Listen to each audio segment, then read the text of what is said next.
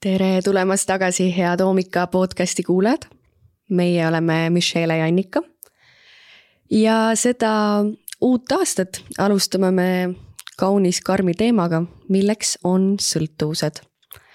et mõista sõltuvuse kui protsessi olemust, mitte tema sümptomeid ja tagajärgi, läheneme sellele natuke ebaharilikult, andes konteksti, mille kaudu seda piinavat nähtust oleks võimalik mõista ja sellest seeläbi välja kasvada. me kõik oleme sõltuvustes.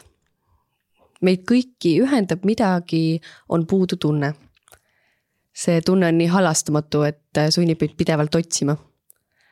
otsima lahendust. aga elu edenedes, kui me mõistame, et lõplikku lahendust sellele ei tulegi, ükskõik, mida me ka ette ei võtaks või ei saavutaks, tekib vajadus selle eest põgeneda et kas või hetkekski tunda seda ennast täiuslikuna ja täielikuna, kergena ja vabana tunnet. see halastamatu, midagi on puudu tunne, on tegelikult äh, aimdus võimalikkusest. kas on olemas midagi, mida tehes see tunne kaoks? loodus on meile justkui sisse installinud halastamatu sunni liikuda järjest kasvava rõõmu suunas. kui nüüd vaadata emotsioonide skaalat, siis isikliku armastuse üleminekul isetuks on selline energiaväli, mida nimetatakse ekstaasiks. ekstaas on seisund, kus inimene kogeb äärmuslikku naudingut, armastust, kaastunnet ja sellist üleüldist heaolu. E, see on seisund, kus täielikult kaob ära eraldatuse ja üksinduse tunne. ja kogemusena oled justkui kogu eluga üks sedona meetodi rajaja Lester Levenson on selle kohta, tal on nagu selle kohta pikk detailne kirjeldus, mis kannab nii tugevat ekstaasi energiat, et juba selle lugemine mõjub ülendavalt. see seisund on see ülim õnn, mille poole kõik inimesed tegelikult püüdlevad. see kogemusena on selline äärmuslik rõõm, mis arenedes kasvab üle õndsuseks ja inimesi, kes sellesse püsivasse õndsusesse ja rahusse on välja jõudnud ja arenenud, eh, siis neid nimetatakse pärale jõudnuteks. peene nimega siis valgustunuteks, et ära ehmataks kedagi see nimi. nagu teades ja sügavalt tundma õppides seda emotsionaalset skaalat, eh, tuleb tegelikult välja elu selline sügavam mõte või tähendus eks see ongi nii lihtne, et kasvada ja areneda isiksusena järjest targemaks ehk järjest paremaid valikuid tegevaks, mis hoiab sind õigel kursil. ja selle tulemus tegelikult arenguna tipneb või, või, või lõpeb, isegi ei lõpe, vaid sealt areneb omakorda edasi, aga ta läbib selle ekstaasi tasandi. ehk elu printsiipe tundma õppides, siis saada järjest õnnelikumaks aga paraku sellesse arengusse on sisse peidetud üks peibutis, mis inimese loomuliku ülespidi suura-, suunatud arengu kiiresti tagurpidi võib pöörata. nimelt on võimalik seda ekstaasi seisundit kogemusena laenata, nagu ette võtta teatud ainete abil. ja olenevalt selle aine tugevusest, kas siis kogeda päris ekstaasi või sellele lähedast sellist rahulolu ja rõõmu või vähemalt kergendust sellisest olmepingest, milles me tavaliselt elame. see, mida tavaliselt ei teata, on fakt, et tegelikult aine mõjul ei ole meil tegelikult, aine ei anna meile midagi juurde, vaid ta ajutiselt blokeerib madalamate emotsioonide mõju nii, et inimene saab maitsta oma päris olemust ehk seda piiramatut, kirjeldamatut õnnetunnet see õndsus võrdpildina on võrreldav nagu päikesega. see on see elu enda puhas energia, mille sära ei suuda mitte ükski pilv kunagi kahjustada. küll aga on võimalik pilvedel eh, päikese soojuse hiilgus kogemusena varjutada. ja pilvekesed siis selles näites on kõik need teised emotsioonid, mis ei ole see heaolu. ja see ekstaasi ja õndsuse kogemus on nii võimas. see on kõige võimsam kogemus, mida inimene on kunagi kogenud ta on nagu piltlikult äh, näidiskogemus meie tuleviku minast, kes ma päriselt võiksin olla ja kuidas ennast tunda. ehk kuidas ma ennast kogeksin, kui kogu see emotsionaalne valu oleks vabastatud minust. ehk ma oleks vaba sellest. ehk tegelikult, kui olla tehniliselt täpne, siis ta on näidiskogemus oleviku minast. kui see emotsionaalne valu, kui see poleks emotsionaalse valu kuhi alla maetud. ja selline kogemus on nii võimas, et ta jätab põletusjälje, mida sisuliselt on võimatu kustutada. ja inimene püüab iga hinna eest seda seisundit taas kogeda. ja kuna teadmised puuduvad, kuidas selle ekstaasini loomulikult jõuda, muutub järgmine doos siis mingit ainet ainsaks sissepääsuteeks selleks, sellesse kõrgendatud seisundisse. ehk seniseks kokkuvõtteks, see, millest me tegelikult sõltuvusse satume, ei ole mitte ained, vaid kogemus sellest ajatust täiuslikkusest. korraks on meil võimalus maitsta täiuslikku elu maitset. ehk motiiv on iseenesest ju üllas, kogeda seda kõige kõrgemat, päris elu, kus pole ühtegi pinget, ühtegi kohustust, ühtegi pettumust, ühtegi valu. ja mingi aine lennutab meid korraks nagu täiesti teise reaalsusesse. me kogeme kirjeldamatut kergendust sellest äh, pideva ebatäiuslikkuse läbi elamisest, millest argipäev koosneb. ja see kogemus on nii teises mõõtmes, nii kordades nauditavam argipäevast, et me tahame seda taas ja taas kogeda, ükskõik mis hinnaga. ja siit algab põrgutee. minnes sellesse tsüklisse, me kaotame inimeseks olemise alustala ehk võimekuse valida. me jääme siis selle teatud aine vangi.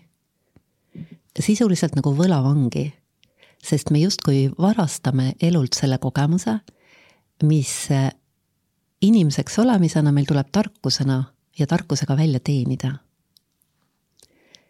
ehk veel kord, tarkus ehk intelligentsus kõige täpsemas ehk oma sisulises eh, definitsioonis on võimekus valida kõige parem. ehk elada kõige kõrgemas õnneseisundis, mis inimesele looduse poolt on võimalusena kaasa antud see on hästi lihtne tegelikult, kõlab nagu talupojatarkus. ehk miks siis valida teisejärguline, kui on võimalik elada esmaklassilises? ometi me eksime selle vastu kõik. ja paraku lihtsalt sellepärast, et jällegi puudub vastav haridus, kuidas seda siis päriselt teha. ja selle sisuliselt kõige suurema lünga hariduses täidabki Sedona meetod see on äh, lühidalt õpetus sellest, kuidas vabastada valu. õpetus sellest, kuidas valida järjest kõrgem, et jõuda ekstaasini ja lõpuks õndsuseni. ja esimene siis võimalus praegu, kuidas äh, see võimas meetod ära õppida, on kahekümne kaheksandal jaanuaril Hesti hotellis ja äh, podcasti kuulajatele on väike kingitus koodiga jaanuar kakskümmend, et saada natuke soodsamalt. aga tagasi tulles siis äh, ihade juurde, ihad on äh, olnud oma nagu painava sellise ülevõtva loomuse poolest äh, niivõrd arusaamatu nähtus inimestele et nende ümber on tekkinud teatud selline müstiline või salapärasuse loor ja pikka aega peeti sõltuvust eh, kui nähtust ametlikus meditsiinis täiesti käsitamatuks ja praktiliselt ravimatuks.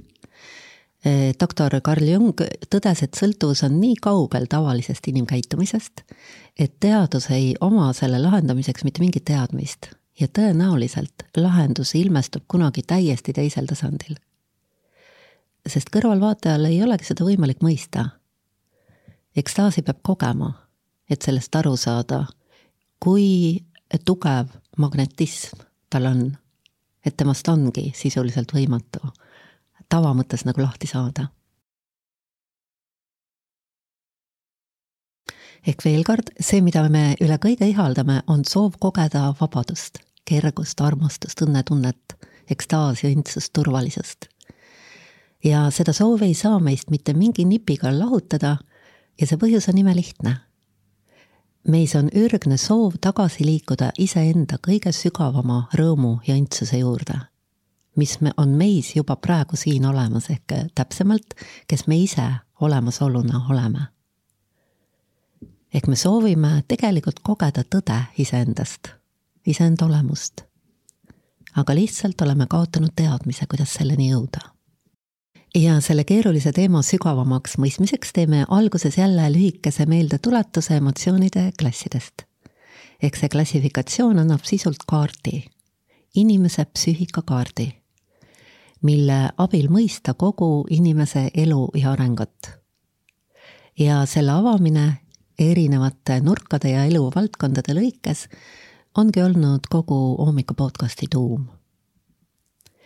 iga tasand on sisult erinev teadvuse tasand, mis määrab selle, kuidas me elu ja maailma kogeme ja kuidas me kogeme iseennast selles elus.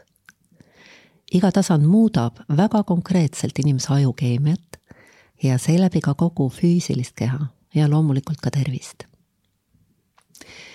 kõige alumisel häbi ja süütunde tasandil me kogeme enesevihkamist. me oleme kaotanud väärikuse enesest lugupidamise, normaalse enesehinnangu. ja kuhu iganes oma pilgu pöörad, igalt poolt vaatab vastu mõttetus. kõik on üks suur valu ja kannatus, kuniks see muutub tuimuseks. ehk elu ei tundu olevat enam elamist väärt. inimene kaotab jõu elada. on tunne, et ma ei saa ja mitte keegi ei saa mind ka aidata. eks on lootusetus ja meeleheide ja nüüd sõltuvuste kõige julmem aspekt tuleneb just sellest, et nad kõik viivad inimese tasapisi selle maapealse põrgu suunas. eks selle kõige-kõige madalama võimaluse suunas elada üldse. ja tihti kaunis kiiresti. ehk sõltuvusele järgi andes inimene kaotab piisk piisa haaval oma kõige kõrgema valuuta, terve enesehinnangu, respekti enda suhtes ja sellega hakkab lumepallina veerema negatiivsete kogemuste jada. ehk igat sorti kaotused kõikidel tasanditel elus. inimene kaotab raha, töö, sõbrad, staatuse, tervise, kuniks elu kaotab mõtte. ja lõpuks inimene võib kaotada mitte ainult elu mõtte, vaid, vaid elu enda. sest ta kaotab lootuse lootusetus tähendab seda, et inimene enam ise ei ole võimeline ennast aitama. see ongi lootusetuse definitsioon. ja see on kõige ohtlikum asi üldse, mis inimesega juhtuda saab, sest siis ta enam ei hooli. ehk eh, selle tasandit iseloomustav, seda tasandit iseloomustav ma ei saa hakkama ja keegi ei saa mind ka aidata, see hukutab inimese kui tema teele ei satu kellegi või millegi läbi üks päästev infokild, mis seda nagu igikeldse sulatama hakkab. nüüd tiba kõrgem tasand kurbus kogemusena ei tundu sugugi kõrgem, tihti isegi piinarikkam. seda iseloomustab siis selline kahetsus ja kaotusvalu lein selle laine, laiemas tähenduses. aga sellel tasandil on siiski natuke rohkem elusust. inimene suudab vähemalt nutta oma emotsioone väljendada, seega teada anda, et ta vajab abi. ja temast tekib selline tibatillukene salajane lootus, et ehk siiski juhtub midagi või tuleb keegi ja päästab mind ära. ja just sellele tasandile aitamine tegelikult saab päästa sõlt-, sõltlase, eh, kes on juba päris põhja vajunud. kui kuidagi mingi triki, nipi või kavalusega süstida Äh, sellesse õnnetusse natukene energiat juurde. et ärkaks esimene märk elutahtest, kurbus. kurbus, et hakkab nagu nägema, et ta raiskab oma elu ära ja kui palju ta seda on juba teinud. see üks samm on saatust muutev. sest kurbusega ärkab lootus, et äkki keegi tuleb ja päästab mu ära ja tavaliselt neid heatahtlikke inimesi on, aga paraku jälle väga vähestel on teadmisi, kuidas sealt edasi saab. omakorda klass kõrgem sealt on hirmu ja ärevuse maailm. just oma hirmude ja ärevuse eest põgenedes me tegelikult madalamale langemegi alguses tundub põgeneda või nutta ja halada kuidagi nagu kergem, kui püüda maailma mõista ja tema nõudmistega toime tulla ja ülespoole areneda. kui kurbus on seotud minevikuga, siis hirm ja ärevus on seotud tulevikuga. kui nüüd suuta keerata kurbus äh, sellel sõltlasel oma luhta mineva elu äh, peale vaadates, kui ta vaatab seda hirmuks, ehk natuke nagu muuta tema vaatenurka, ehk mis järgneb siis, kui siit veel madalamale langeda ja siis sellelt tasandilt, kui ta seda niimoodi näeb, siis saab teha hüppe omakorda üles ehk äratada inimeses iha parema elu järgi iha on oma olemuselt ma tahan. see on pidev vajadus ja janunemine millegi või kellegi järgi. Ja sellesse kinni jäädes muutub iha tugevamaks, hakates lõpuks inimest juhtima. ja inimene satub oma ihaldusobjekti lõksu. ja siis me sildistame selle sõnaga sõltuvus. eks see ongi see tasand, kus kõik sõltuvused tegelikult alguse saavad. tehniliselt juhib iha objekt inimest ettekujutluspildi kaudu. ja seda fakti saab väga tulemuslikult kasutada, et kui inimene on juba tõstetud iha tasandile, kui ta on päris põhjas ära käinud või ta on alles allakäiguspiraali teel ja ta saab juba selle infokillu. ehk eh, näiteks mõistusesse tekib pilt kas alkoholist, mõnuainest või ihaldatavast inimesest ja kui sellel lastakse jätkuda, siis see kogub jõudu ja õige pea on sisuliselt võimatu selle vastu terve mõistusega midagi ette võtta. ehk inimene kaotab selle inimlikkuse võime valida ise. ja sellest faktist, inimlikkuse kaotamisest tulenebki see sõltuvuse tegelik traagika, mis arenedes pöörab inimese saatuse tragöödiaks. kuna inimene on loodud eh, looduse poolt juhtima, ise valima siis talle on antud sõna otseses mõttes üle mõistuse vägev jõud, taotlus. ja kui inimene loobub oma inimlikkuse alustalasid kasutamast, siis loodus näitab, mis ta sellest arvab ja lennutab sellise inimese elu ääremaadele. ja seda avanevat elutust, mis sellise valiku kasuks otsustamisel vastu vaatab, võib liialduseta maapealseks põrguks nimetada. ehk tagasi iha juurde kui inimene on veel sõltuvuse alguses, iha tasandil ja teab, et kiireim tee peatada allakäiguspiraal, mis siit paratamatult järgneb, on kiiresti ja otsustavalt lubada lahustuda peas oleval atraktiivsel pildil. Ja iha objekti jõud on läbi selle juurelt läbi kaksatud. tehniliselt on see megalihtne. nii kui tabad, tabad ära ehk teadvustad, et ettekujutlusse tekib pilt mis hakkab sind enda suunas juhtima, siis kohe ütled taotlusega lahustu või tühistan. ja see pilt ei saa ilma sinu nõusolekut alles jääda, ta lihtsalt hajub ära. Paraku nii lihtsa vahendi olemasolust seda lihtsalt ei teata. ja kui saadaksegi teada, siis tundub see jällegi liiga lihtne, primitiivne, et seda tõsiselt võtta iha tekitava pildiga mõistuses kaasneb vastav, alati vastav emotsioon, mis hakkab siis füüsilist keha juhtima eh, selle mõnuaine suunas. ja ka see emotsioon on võimalik hetkega sisuliselt mõne sekundiga ära vabastada. Ja vot sellisel tasandil ja kiirusel töötab see toonameetod. ta on sõna otseses mõttes juureravi. Eh, iha on oma olemuselt väga julm nähtus julm selles mõttes, et teda ei ole võimalik iialgi lõplikult rahuldada. iga ihaldusobjekti saamine tekitab järjest kasvava isu ehk järjest kasvava iha ühe suureneva, üha suurenevate dooside ja koguste järgi. Ja siin peab jällegi lihtsalt teadma, et vabastamisi jätkates hakkab järjest ilmestuma see sügav rahuldust pakkuv heaolu mida me sõltuvuste kaudu tegelikult otsime. on väga-väga üksikud ihad, mis realiseeruvad läbi selle, et inimene kasvab neist välja või nagu saab neist sisu täis. aga isegi siis iha kui nähtus juhib alati inimest julmalt edasi. Lihtsalt iha objektid muutuvad. seega laiemas kontekstis me olemegi kõik sõltlased. nagu ihatsükli, elame läbi ihatsüklite ja iga meie kannatus elus on just samal põhjusel, ehk me laseme välisel ennast juhtida. ja siit edasi, nüüd ükskõik, milles ka poleks küsimus, alati on fundamentaalne väljapääs üks ja seesama. Ennast peab saama julguse ja aususe tasandile. Ja siin teadmine sõna otseses mõttes päästab. kui inimene otsustab kasutada ausust, ootab inimest sisuline ümbersünd. elu ja maailm avab enda helgema poole. lõpeb vastandumine ja võitlus. motiivid muutuvad puhtaks. inimene avastab teatud hästi lihtsad printsiibid, millest kinni hoides sisuliselt äh, ta võidab alati. Nende nimedeks siis ongi ausus ja julgus. ja nendel tasanditel sisuliselt lõpeb sõltuvuste võim või hakkab lõppema.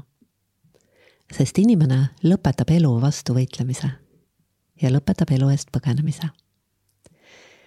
see põgenemine asendub tegelikult ta asendub sügava huviga iseendast ja maailmast päriselt aru saada ja siira vajadusega olla maksimaalselt kasulik.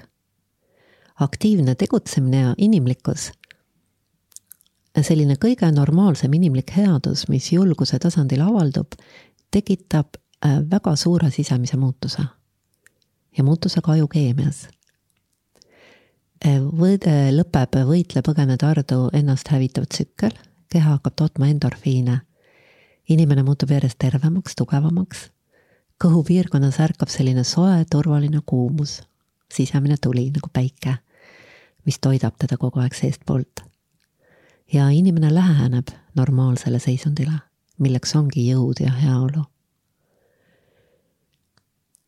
kuna kogu aeg on pigem põnev ja tegus olla, siis langevad ära põhjused, millegi eest kuhugi põgeneda mingite ainete abil. ja inimene areneb negatiivsusest välja.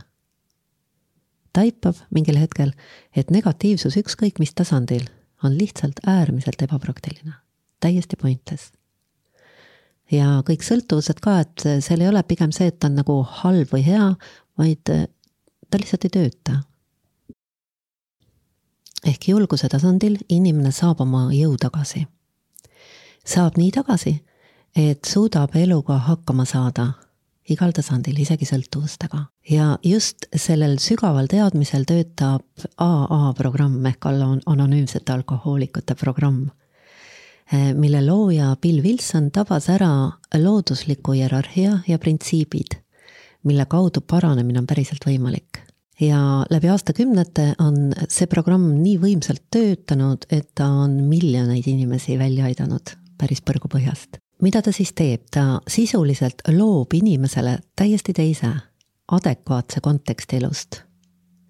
loob austava ja armastava sellise kerge ja lihtsa keskkonna, kus ennast lootusetuna tundev inimene siis vaikselt oma jõudu hakkab tagasi saama.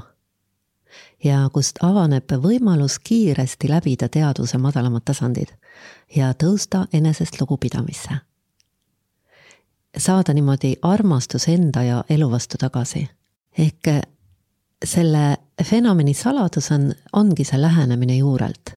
anonüümsete alkohoolikute kontseptsioon kasutab universaalseid printsiipe, millest kinni hoides paranemine on võimalik.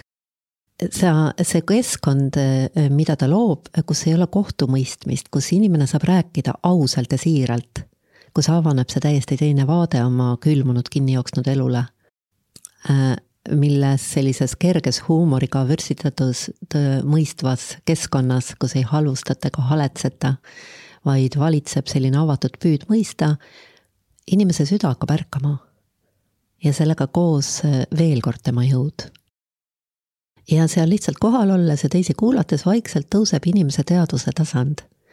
ja sellega koos võime kasutada kõrgemaid energiaid, saada jõudu juurde ja kus tekib taipamine, et elu ellujäämiseks ja siin seda otseses mõttes on vaja üles ärgata, ehk saada targemaks ja teadlikumaks.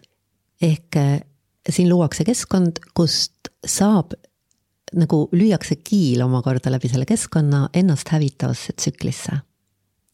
ja mingil hetkel isik kes oli skeptitsism ise kogu selle ettevõtmise suhtes, võib avastada ennast teisele siiralt kaasa tundmas, muigamas, isegi naermas. ehk eh, lihtsalt seal kohapeal olles elu tuleb piiskaaval ellu tagasi. inimese ajukeemia hakkab muutuma. inimene nagu ei teegi midagi, aga ta lihtsalt seal kohapeal olles ja kohal käies hakkab muutuma. ja selle kaheteistastmelise programmi kõige olulisem murrangut andev on esimene aste. Kui inimene ausalt tunnistab, et ta on jõuetu alkoholi ees ja see on teinud ta elu väljakannatamatuks. see üks ülestunnistus, kus inimene tunnistab oma lootusetut olukorda ehk äärmist nõrkust, paradoksaalselt viskab sellesama inimese hetkega julguse tasandile ja ta kogeb märgatavat jõu juurdevoolu ja saab edasi minna juba järgmiste sammudega. Just see ausus avab tee paranemisele. see üks teadmine tegelikult on kogu selle tänase osa nagu sisu või juur. et kui inimene lõpetab eitamise, vassimise, peitmise, petmise ja tunnistab tõtt, ükskõik kui sügavas sopis või sopas ta ka poleks avaneb uks. see on nagu sihuke natuke muinasjutuline, nagu see seesam, seesam, avane. Ja selline fundamentaalne tõde peab paika mitte ainult sõltuvuste, vaid ükskõik millise madalseisu puhul. vaata asjale ausalt otsa ja tunnista tõtt. see avab intellekti, avab mõistuse ja avab jõuallikad võimekus rääkida tõtt vabastab jõu faktidele otsa vaadata ja lõpetada vastuseis, et nendega hakkama saada. et saaks võimalikuks see ülespoole liikumine. Eks see on alati esimene samm. hea näide natuke kergemalt tasandilt on siin elamine kolmnurkades, mis meie ühiskonnas on oi kui levinud. see on oma sisult samuti üks sõltuvuse vorm kolmnurk saab püsida ainult valel, petmisel kuidagi tundub, et see aitab elada, pikas perspektiivis tegelikult hoiab aga see inimesi ummikus. kusjuures kõiki kolme osapoolt. kuigi tundub, et ausus siin nagu toodab valu juurde ja seepärast selle valega jätkatakse, tegelikult eh, ausus siin lööb siiski õhu puhtaks ja kõik saaksid oma eludega edasi minna. just nimelt edasi, sest kolmnurgas varem või hiljem inimesed manduvad hea on teada ja lihtsalt omaks võtta, et vales elamine elu ei edenda. inimese isiksus käib paratamatult alla, eks selle hind on liiga ränk. Ja see käib tihti märkamatult ja tilkhaaval. ellu tekib udu, uduga koos kasvav jõuetus. ja samal hetkel, kui inimene tunnistab tõtt, kogeb ta vabaduse tunnet, jõu juurdevoolu, selgust ja nende kolme fenomeniga loodus näitab, et see samm on õige.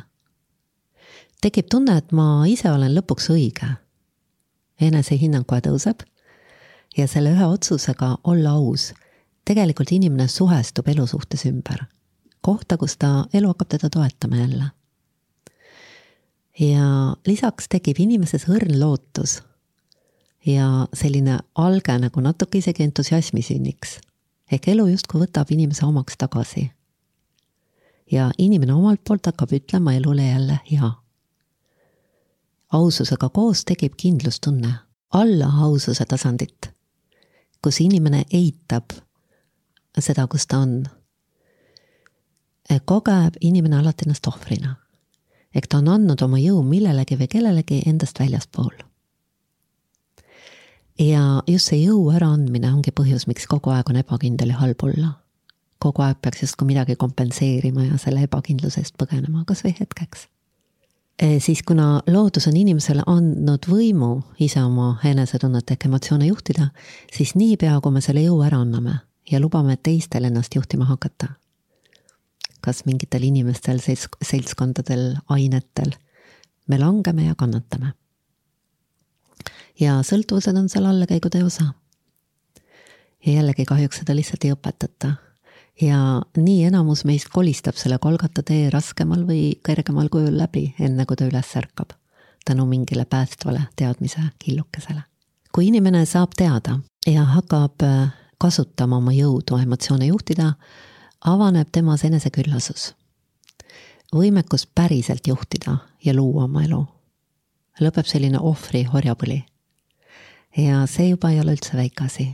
selline inimene avab endas, avastab endas võime oma elu ikka ja jälle uuesti üles ehitada. isegi kui mingid osad elust on maatasa tehtud. aususe tasand sellel tasandil nagu avaneb elu. Avaneb elu, mis on täis võimalusi.